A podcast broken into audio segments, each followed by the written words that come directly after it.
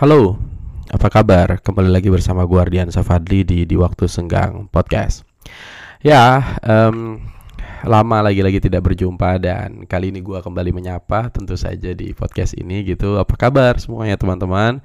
Semoga selalu uh, sehat dan selalu dalam keadaan baik dan selalu ada progresnya tiap hari ya kan tiap minggu dan ke depannya gitu. Jadi kalau di akhir nih gue cuma pengen bilang salam sukses, sukses, sukses. Wede, motivator banget ya gue. Um, Oke, okay, uh, eh, di pembahasan podcast kali ini, uh, gue ingin membahas tentang fenomena warung kopi yang uh, kayaknya semakin lama semakin menjamur kalau lu datang ke daerah Tebet itu hampir gue bisa pastikan bahwa hampir di setiap sudut kanan kirinya itu adalah tempat-tempat kopi. Tempat kopinya bukan macam warkop ya, tapi kafe itu kafe yang bagus, estetik, ya kan instagramable gitu, artistik gitu, secara arsitekturnya juga bagus gitu. Jadi kalau lu datang main makanya sekali-kali ke Tebet gitu, itu hampir di kanan kirinya kopi, kopi, kopi, kopi itu. Jadi ya definisi pikopa kopi itu ada di Tebet gitu. Karenanya eh, pertanyaan besar gue adalah eh, kenapa kemudian banyak sekali tempat kopi yang menjamur hari ini? Tempat kopi yang gue maksud nih bukan warkop lagi-lagi ya, tapi lebih kepada kafe-kafe yang keren gitu, yang mahal, yang estetik gitu, yang ya seperti yang gue jelaskan tadi di awal sama seperti di Tebet gitu. Pertanyaan besarnya itu gitu, karena gue ngerasain betul ketika gue kecil misalnya, gue kan kelahiran tahun 94 gitu ya, ketika gue kecil di SD, SMP, SMA bahkan, gue bahkan tidak mengenal kafe-kafe yang mungkin saat ini ada dan menjamur. Setahu gue tempat kopi mah ya warkop gitu, di mana isinya ada indomie gitu kan, ada bangku kayu panjang di situ gitu kan, terus ada mamang-mamangnya, terus ada bubur, ada bubur kacang hijau, ada bubur ayam gitu. Jadi ya gambaran warung kopi uh, dalam pandangan gue sebagai orang dulu yaitu begitu gitu. Jadi pertanyaan besarnya adalah kenapa kemudian banyak sekali tempat-tempat kopi menjamur saat ini. Tapi sebelum ke situ, uh, eh, gue mau cerita dulu nih untuk bisa menggambarkan bagaimana uh, warung kopi saat ini begitu digandrungi oleh banyak orang. Dan ini menjadi bagian daripada dampak uh, apa ya media sosial juga gitu yang membuat viral satu tempat gitu. Tempat yang estetik viral akhirnya didatangi banyak orang gitu. Um, jadi di hari Minggu tepatnya tanggal berapa ya? Gue lupa. Kalau sekarang gue bikin podcast di 14 di hari Rabu 14 Juni. Berarti sekitar tanggal 12 kali ya. Kalau nggak salah ya. Di hari Minggu 12 Juni 2023 gue kebetulan jalan-jalan sama uh, perempuan gitu. Ya mungkin cewek gue gitu. Calon kekasih kali ya. Um, ya gue jalan sama dia ke daerah Bogor Jawa Barat. Tujuannya memang sederhana. Gue cuma pengen ngopi aja gitu gue pengen ngopi dan gambaran gue tuh ya ngopi di tempat yang asik gitu ya. Jadi di, kanan kirinya tuh ada pemandangan yang indah terus ada pohon-pohon ada pohon pinus gitu. Terus ya bisa chill bisa culture banget gitu kan. Dan tujuan atau destinasi awal gue adalah ke Kopi Nako tentu Kopi Nako adalah tempat kopi yang menurut gue lu semua udah tahu kan. Karena banyak banget bukan cuma di Bogor di Jakarta juga ada bahkan viral gitu. Jadi Kopi Nako ini sekarang menjadi salah satu tempat kopi yang digandrungi oleh banyak orang. Nah, gue datang ke Kopi Nako Kebon Jati, tepatnya di daerah kabupaten eh kabupaten apa kota ya? Tepatnya di daerah uh, Bogor Jawa Barat gitu. Kenapa gue mau ke Kopi Nako? Ya karena tadi kalau gue ngeliat di TikTok tuh kayaknya oke okay banget tempatnya gitu kan. Um, dan ternyata ketika gue sampai di Kopi Nako tiba-tiba gambaran atau bayangan gue tuh hancur begitu saja. Bukan karena pemandangannya nggak bagus, pemandangan justru bagus gitu, tempatnya eh, asik gitu, cozy, nyaman dan ya banyak pepohonan pohon-pohon pinus gitu. Pokoknya chill banget deh kalau kita ngopi di situ gitu, culture parah gitu. Nah, cuma yang membuat gue kaget adalah ketika gue datang itu tempatnya penuh banget men. Jadi penuh itu gambarannya tempat duduk yang disediakan itu penuh sama sekali nggak ada tempat gitu. Dan ditambah dengan banyaknya orang yang datang ke situ sampai banyak orang juga yang nggak dapat tempat gitu. Yang mereka datang ke situ mereka nungguin orang-orang yang udah dapet tempat supaya mereka pulang nanti biar gantian gitu. Buat gue nggak banget men, dan gue kaget gitu. Jadi gue tetap ngelihat ke situ, ya gue ngeliat pemandangannya, suasananya oke juga. Cuma karena kondisinya menurut gue nggak nggak banget gitu, ya akhirnya gue memutuskan untuk pindah ke tempat kopi lain gitu. Karena buat gue kayaknya ribet banget gitu kalau ngopi sampai ngantri-ngantri gitu berasa kayak ngantri sembako gitu jadi itu gambaran ya uh, sebuah tempat kopi ya kan yang oke okay, yang bagus pemandangannya yang keren lah secara tampilannya gitu. Tapi karena viral di media sosialnya rame banget gitu ya akhirnya membuat banyak orang tuh jadi berbondong-bondong ke situ. Bagi owner atau bagi pemilik tempat kopinya gue yakin mereka seneng bahagia tentunya karena ya didatangi oleh banyak orang pembelinya banyak gitu. Tapi bagi kita yang datang kemudian nggak dapet tempat duduk tuh kayaknya gimana gitu. Gue sih ngerasanya uh, ya agak sedikit menyesal gitu karena gue datang jauh-jauh gitu kan naik motor gitu. Uh, effort banget tentunya. Ya untungnya yang buat gue nggak capek dan bahagia itu adalah ya karena gue ditemani dengan seorang perempuan tadi gitu yang memang gue um, ya perempuan gue tadi. Jadi uh, itu yang membuat gue senang dan bahagia dan cukup menikmati prosesnya gitu. Gue nggak kebayang kalau gue sendiri datang ke kopi Nako Kebon Jati dan memang diniatin buat datang ke sana gitu.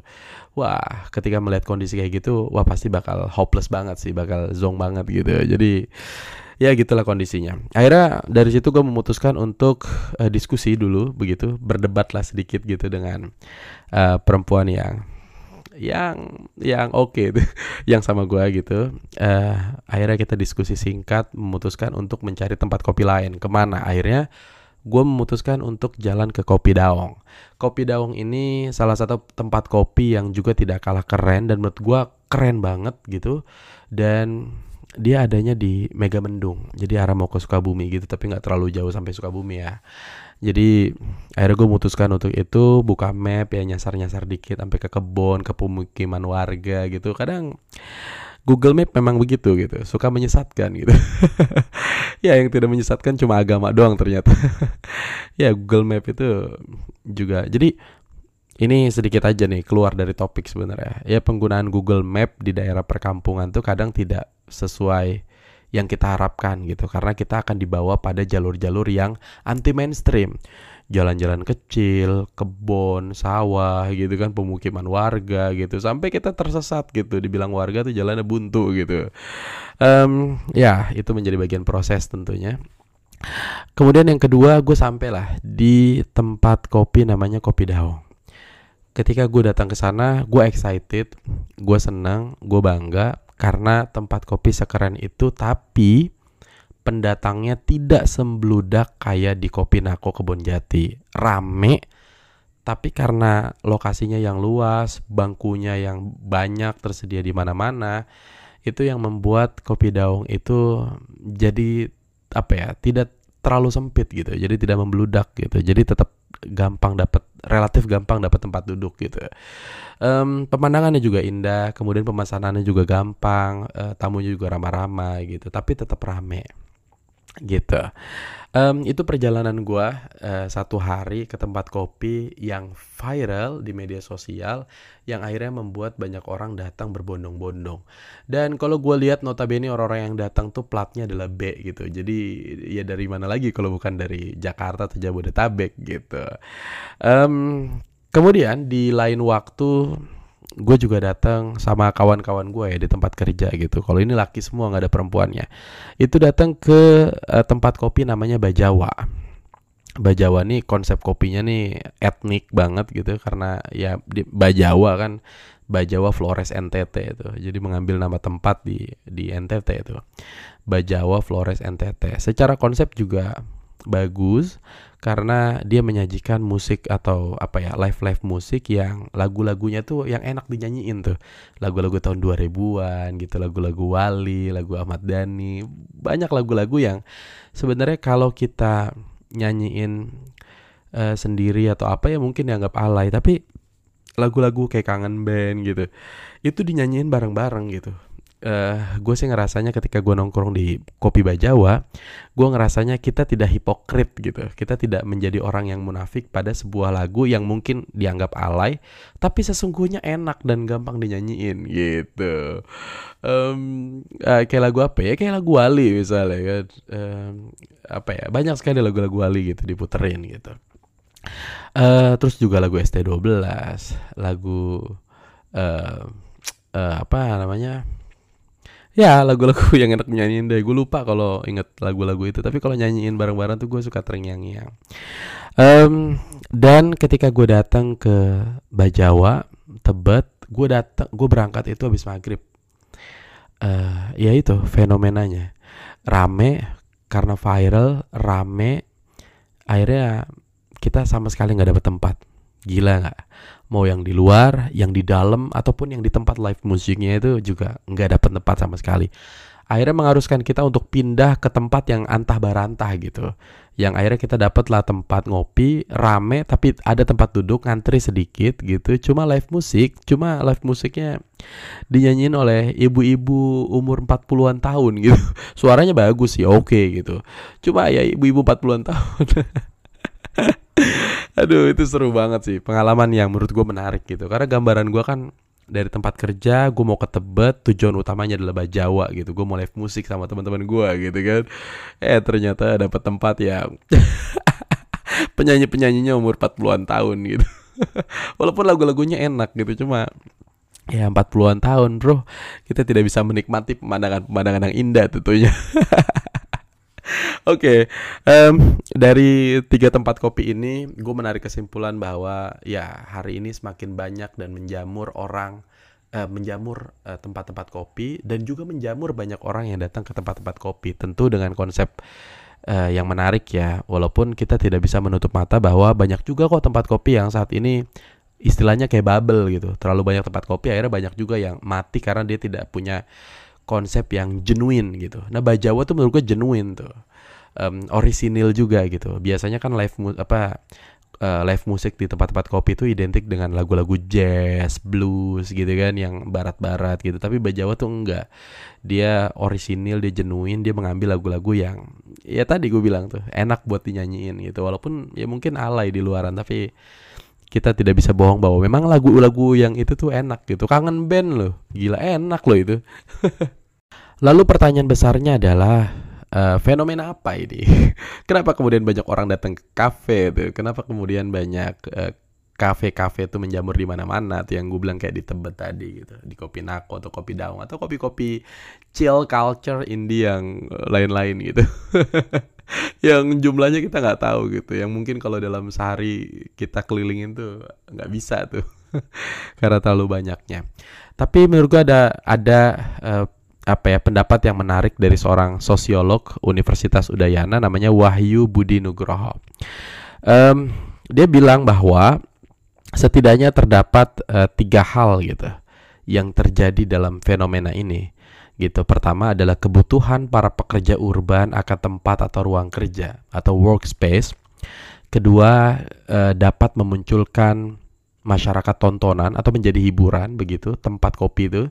Ketiga menjadi tujuan untuk panjat sosial gitu. Jadi ada tiga uh, alasan kenapa kemudian banyak orang datang ke tempat kopi. Um, yang pertama adalah tempat kopi dapat menjadi kebutuhan bagi para pekerja urban yang mencari tempat untuk bekerja dan bisa memberikan nuansa baru sehingga dapat mereduksi kejenuhan kerja.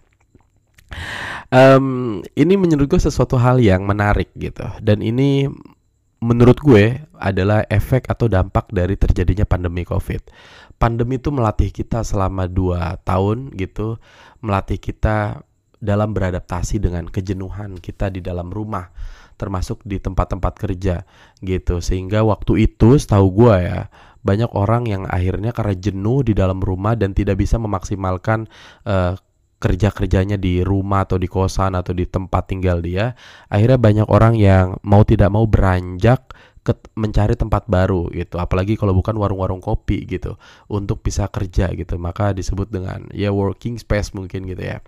Atau karena gue pernah ya uh, ketika covid itu karena waktu itu gue masih jadi uh, wartawan jadi karena gue kebetulan tidak ada tugas ke lapangan ya tempat gue kerja tuh bukan kosan tapi um, kebanyakan tuh adalah kafe. Kenapa nggak di kosan? Karena gue ngerasa jenuh aja. Uh, tempat yang menjadi tempat istirahat gue tempat nonton uh, film gua gitu tempat main PS pokoknya tempat istirahat deh gitu. Terus dijadiin tempat kerja tuh kayaknya nuansanya beda gitu. Hawanya tuh ngantuk dan pengen tidur terus gitu. Makanya gua memilih untuk kafe untuk tempat kerja gua. Dan ketika gua datang ke tempat kopi di daerah Cipete uh, Fatmawati itu ketika gue datang siang-siang itu hampir semua orang yang datang itu buka laptop gitu. Jadi gue pastikan semua yang datang tuh adalah para pekerja gitu. Dan ketika siang itu jarang sekali mereka yang datang tidak menggunakan laptop atau tidak kerja gitu. Semuanya kerja gitu. Artinya kan uh, ada semacam uh, budaya baru gitu atau pop culture gitu. Uh, sorry uh, subculture di mana orang-orang tuh ya punya kebiasaan baru untuk uh, bekerja di tempat kopi gitu. Uh, itu pengalaman gue ya kemudian uh, yang kedua tadi adalah bahwa tempat kopi saat ini menjadi hiburan Kenapa menjadi hiburan? Karena banyak sekali tersedia live-live musik di tempat kopi kita refresh, kita bisa nyanyi bareng-bareng, apalagi kayak di Bajawa, wah itu buat gua oke okay banget men, serius, serius deh. Um, kenapa oke okay banget? Pokoknya rasa penat lu, rasa jenuh lu, rasa ah pusing lu di tempat kerja tuh terobati itu. um, ya mencari uh, yang dirasa cukup menghibur untuk mengurangi tekanan target-target kerja. Kita tahu bahwa pekerjaan hari ini tidak mudah. Di samping adanya disrupsi gitu ya, adanya banyak sekali digantikan oleh mesin gitu, akhirnya membuat tekanan-tekanan kerja yang dilakukan oleh manusia ini semakin kacau, semakin gawat gitu. Kayak misalnya jadi wartawan, target beritanya juga lumayan banyak. Selain banyak harus bicara akurasi, selain akurasi juga bicara konfirmasi ke narasumber. Wah, itu capek gitu. Jadi kelihatannya enak kerja di mana-mana, mobile gitu. Tapi faktanya tidak seenak yang kalian bayangkan gitu. Karena kita bisa kerja melebihi waktu normal gitu. Bahkan bisa sampai malam. Gue aja ketika di Kompas kerja gue tuh bisa sampai jam 12 malam, jam 1 malam gitu um, dan itu uh, lumayan capek dan menguras energi gitu men.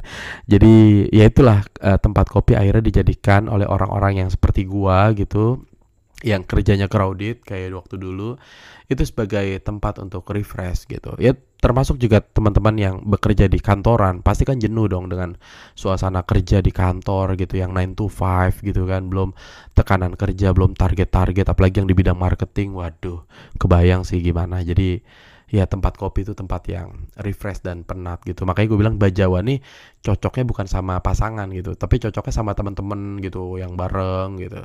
Wah itu asik, asik banget gitu karena kita bisa nyanyi lepas bareng-bareng gitu. Um, kemudian uh, yang ketiga itu adalah menjadi tujuan untuk panjat sosial. Ya Uh, lu kalau lihat di TikTok gitu, gue juga bahkan kenal tempat kopi Bajawa tuh dari media sosial, men. Serius dari TikTok. Di TikTok tuh hampir setiap hari ketika gue buka, buka TikTok, FYP-nya tuh tentang kopi Bajawa gitu. Jadi gue oh ter di situ gue baru tahu oh ternyata kopi Bajawa konsepnya begini ternyata kopi Bajawa nggak cuma satu dia ada di Bogor ada Bajawa Depok ada Bajawa Bintaro ada Bajawa Tebet gitu terus ada Bajawa mana lagi gitu gue sampai hafal kan ya karena FYP gue isinya adalah orang-orang yang itu gitu mendokumentasikan uh, keseruan mereka, kesenangan mereka itu di di tempat-tempat kopi gitu ya termasuk Bajawa tadi gitu. Bahkan sampai ada yang bilang kopi Bajawa itu uh, tempat konser berkedok kopi gitu. Karena kalau di kopi Bajawa Depok uh, mam apa Kemang atau Bajawa Bogor itu konsepnya gede banget gitu secara ruangan gitu kayak gudang gitu. Jadi bener-bener kayak di tempat konser lah gitu Uh, sosiolog ini juga mengatakan bahwa fenomena coffee shop gitu saat ini uh, berpeluang memunculkan budaya baru di lingkungan masyarakat.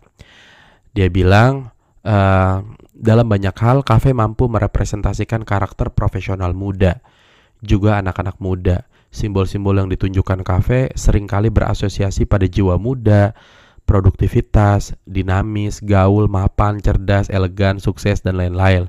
Dan ini mungkin bisa tercermin ya ketika lu ke eh, tempat-tempat kopi di Tebet gitu ya.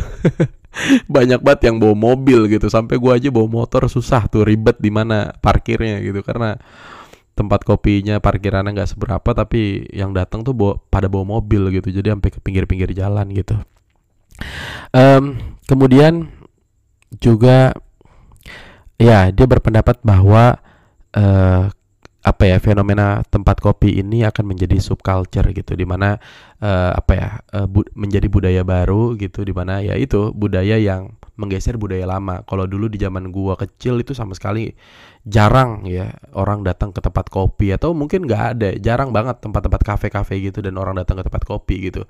Dulu tuh datangnya kalau maghrib ke pengajian ke mana gitu. Sekarang tuh udah ke tempat kopi gitu.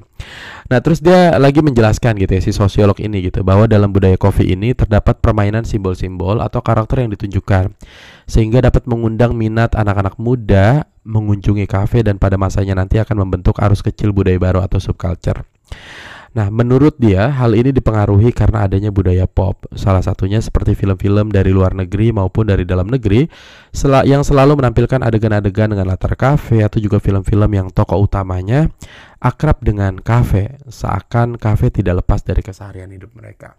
Ya, uh, gue juga sepakat gitu bahwa uh, tempat kopi ini juga ada pengaruhnya dari ya tontonan kita, dari musik kita, dari lagu kita, dari apa yang kita lihat uh, baik di media sosial ataupun di film-film gitu. Dan sejarah kopi ini ternyata juga panjang gitu. Kalau lu lihat misalnya ke masa lalu, kopi itu tempat kopi menjadi tempatnya uh, apa tempat munculnya sebuah revolusi itu gitu. Karena kopi itu ada kafein karena kafein itu membuat orang terjaga malamnya sehingga dia ketemu berdiskusi berdialektika uh, ber apa ya mengkritik pemerintah dan lain sebagainya. Akhirnya terjadi sebuah revolusi revolusi gitu. Kalau nggak salah di Perancis gitu.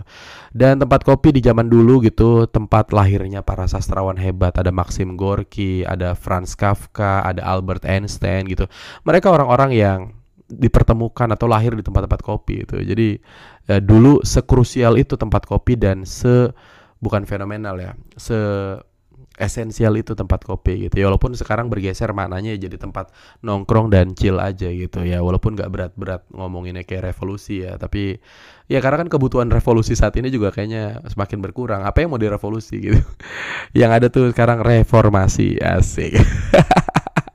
Politik banget bahasan gue Oke, okay, um, selanjutnya uh, dia berpendapat bahwa salah satu bentuk masyarakat tontonan itu berupa panjat sosial atau menunjukkan status sosial.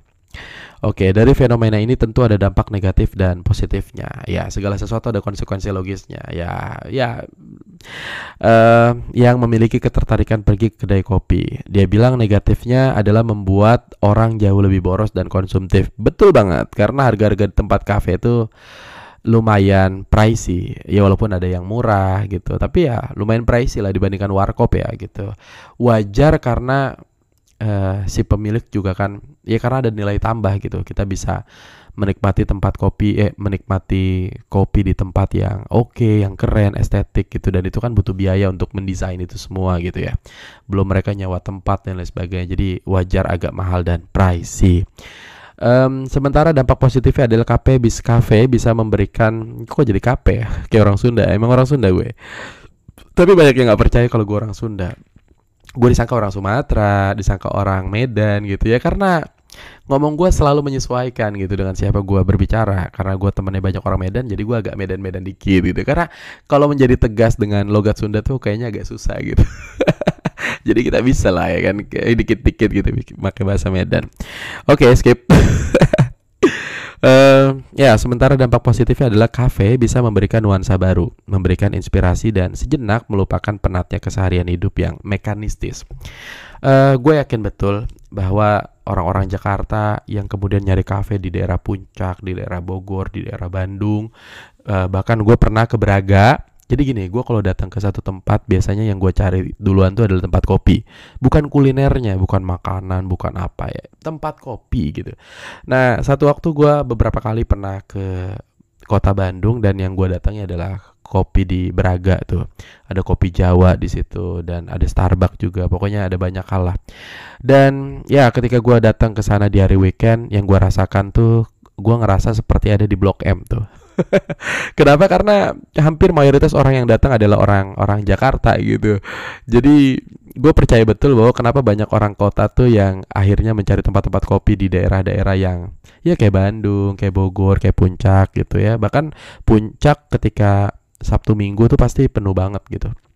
Pokoknya jalanan tuh bener-bener uh, crowded banget gitu. Gue nggak mau sih uh, berangkat di hari libur ke puncak tuh. Nah ya karena mereka tuh penat gitu ya. Kar ya karena yang gue rasain gitu. Setiap hari kita kerja uh, kemudian uh, bergelut dengan apa ya kemacetan gitu dengan padatnya orang gitu dengan kesumpekan gitu. Sampai akhirnya kita merasa perlu di hari Sabtu dan Minggu untuk membayar itu semua gitu dengan kesejukan dengan uh, kehijauan dengan pemandangan yang indah dengan udara yang segar gitu. Makanya kita pada jalan jalan-jalan tuh ya atau traveling gitu ke tempat-tempat yang chill gitu yang ya kayak kopi nako di kebun jati dan lain sebagainya gitu. Jadi um, inilah fenomena uh, viral begitu. Di satu sisi ada dampak positifnya gitu akhirnya membuat suatu tempat menjadi hidup bahkan sangat hidup gitu bahkan sangat laku. Sampai sekarang tuh kayaknya ya orang tuh nggak uh, perlu berpikir keras bagaimana caranya membuat warung kopi yang ramai di daerah pelosok gitu. Karena kalau konsepnya sudah bagus, tinggal ramein aja di media sosial ketika viral. Uh, jangan sungkan, pasti bakal banyak orang yang datang ke sana gitu. Hari ini begitu. Tapi uh, ya lagi-lagi dari situ gue belajar bahwa kayaknya uh, enggak deh datang ke tempat-tempat yang viral, terutama di hari libur tuh kayaknya aduh crowded banget dan kita pastikan nggak bakal chill gitu. Maksudnya nggak bakal santai karena bakal rame banget di situ dan crowded banget gitu sehingga gambaran kita tentang sebuah ketenangan uh, kedamaian itu nggak ada. Yang ada memang kesejukan gitu. Tapi keramaian ya buat apa gitu. Karena di ibu kota kan juga rame juga gitu. Um, itu ya fenomena konsekuensi logis dari sebuah istilah viral gitu yang terjadi di media sosial tapi saran gue buat teman-teman gitu ketika datang ke tempat yang viral gitu pastikan secara waktu, secara hari itu harus tepat gitu supaya perjalanan yang sudah jauh-jauh kita tempuh ini tidak berasa sia-sia dan kita kecewa gitu. Kayak misalnya lu mau datang ke Kopi Bajawa, tentu saja jangan datang uh, pas waktu maghrib gitu atau setelah maghrib karena gue bisa pastikan betul tempatnya tuh pasti rame dan full gitu. Jadi kalau bisa datang sore gitu. Tapi kalau pengen rajin banget dan biar nggak keselak gitu ya, biar dapat tempat ya lu gua lu harus datang habis subuh, men. Aduh ya itulah warung kopi beragam dan merenyat uh, ya beragam beraneka ragam ya di satu sisi gue seneng gitu jadi semakin banyak pilihan tempat kopi yang bukan hanya enak secara sajian menunya tapi juga bagus secara konsepnya ada live musiknya yang itu juga menambah suasana tuh menjadi hikmat gitu. Gue peduli banget pada kesehatan mental gue peduli banget pada apa ya ketenangan eh, jiwa gitu yang sekarang tuh menjadi uh, wacana gitu atau menjadi masalah banyak orang gitu. Ada orang depresi ada orang stres dengan tekanan-tekanan hidup yang berat mereka gitu. Jadi saran gue sesekali mainlah ke tempat kopi barangkali di situ kamu bisa menemukan ketenangan kedamaian gitu kebahagiaan.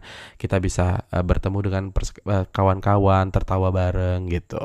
Uh, ya mungkin uh, tempat kopi menjadi ya kalau dulu tempat kopi menjadi tempatnya orang-orang membicarakan bagaimana caranya merevolusi. Tapi ya tempat kopi saat ini ya ya mungkin revolusi mental. Presiden Jokowi banget ya? Enggak enggak. Maksud gua ya mungkin saat ini tempat kopi bergeser secara makna dan fungsinya tapi tidak kalah baik gitu. Karena ya di situlah di mana kepenatan itu bisa hilang gitu. Oke okay, um, mungkin itu saja uh, pengalaman yang bisa gue sharing terkait dengan uh, tempat kopi yang pernah gue datengin, fenomena viralnya gitu dan intinya makasih saja sudah juga menjadi pendengar gitu.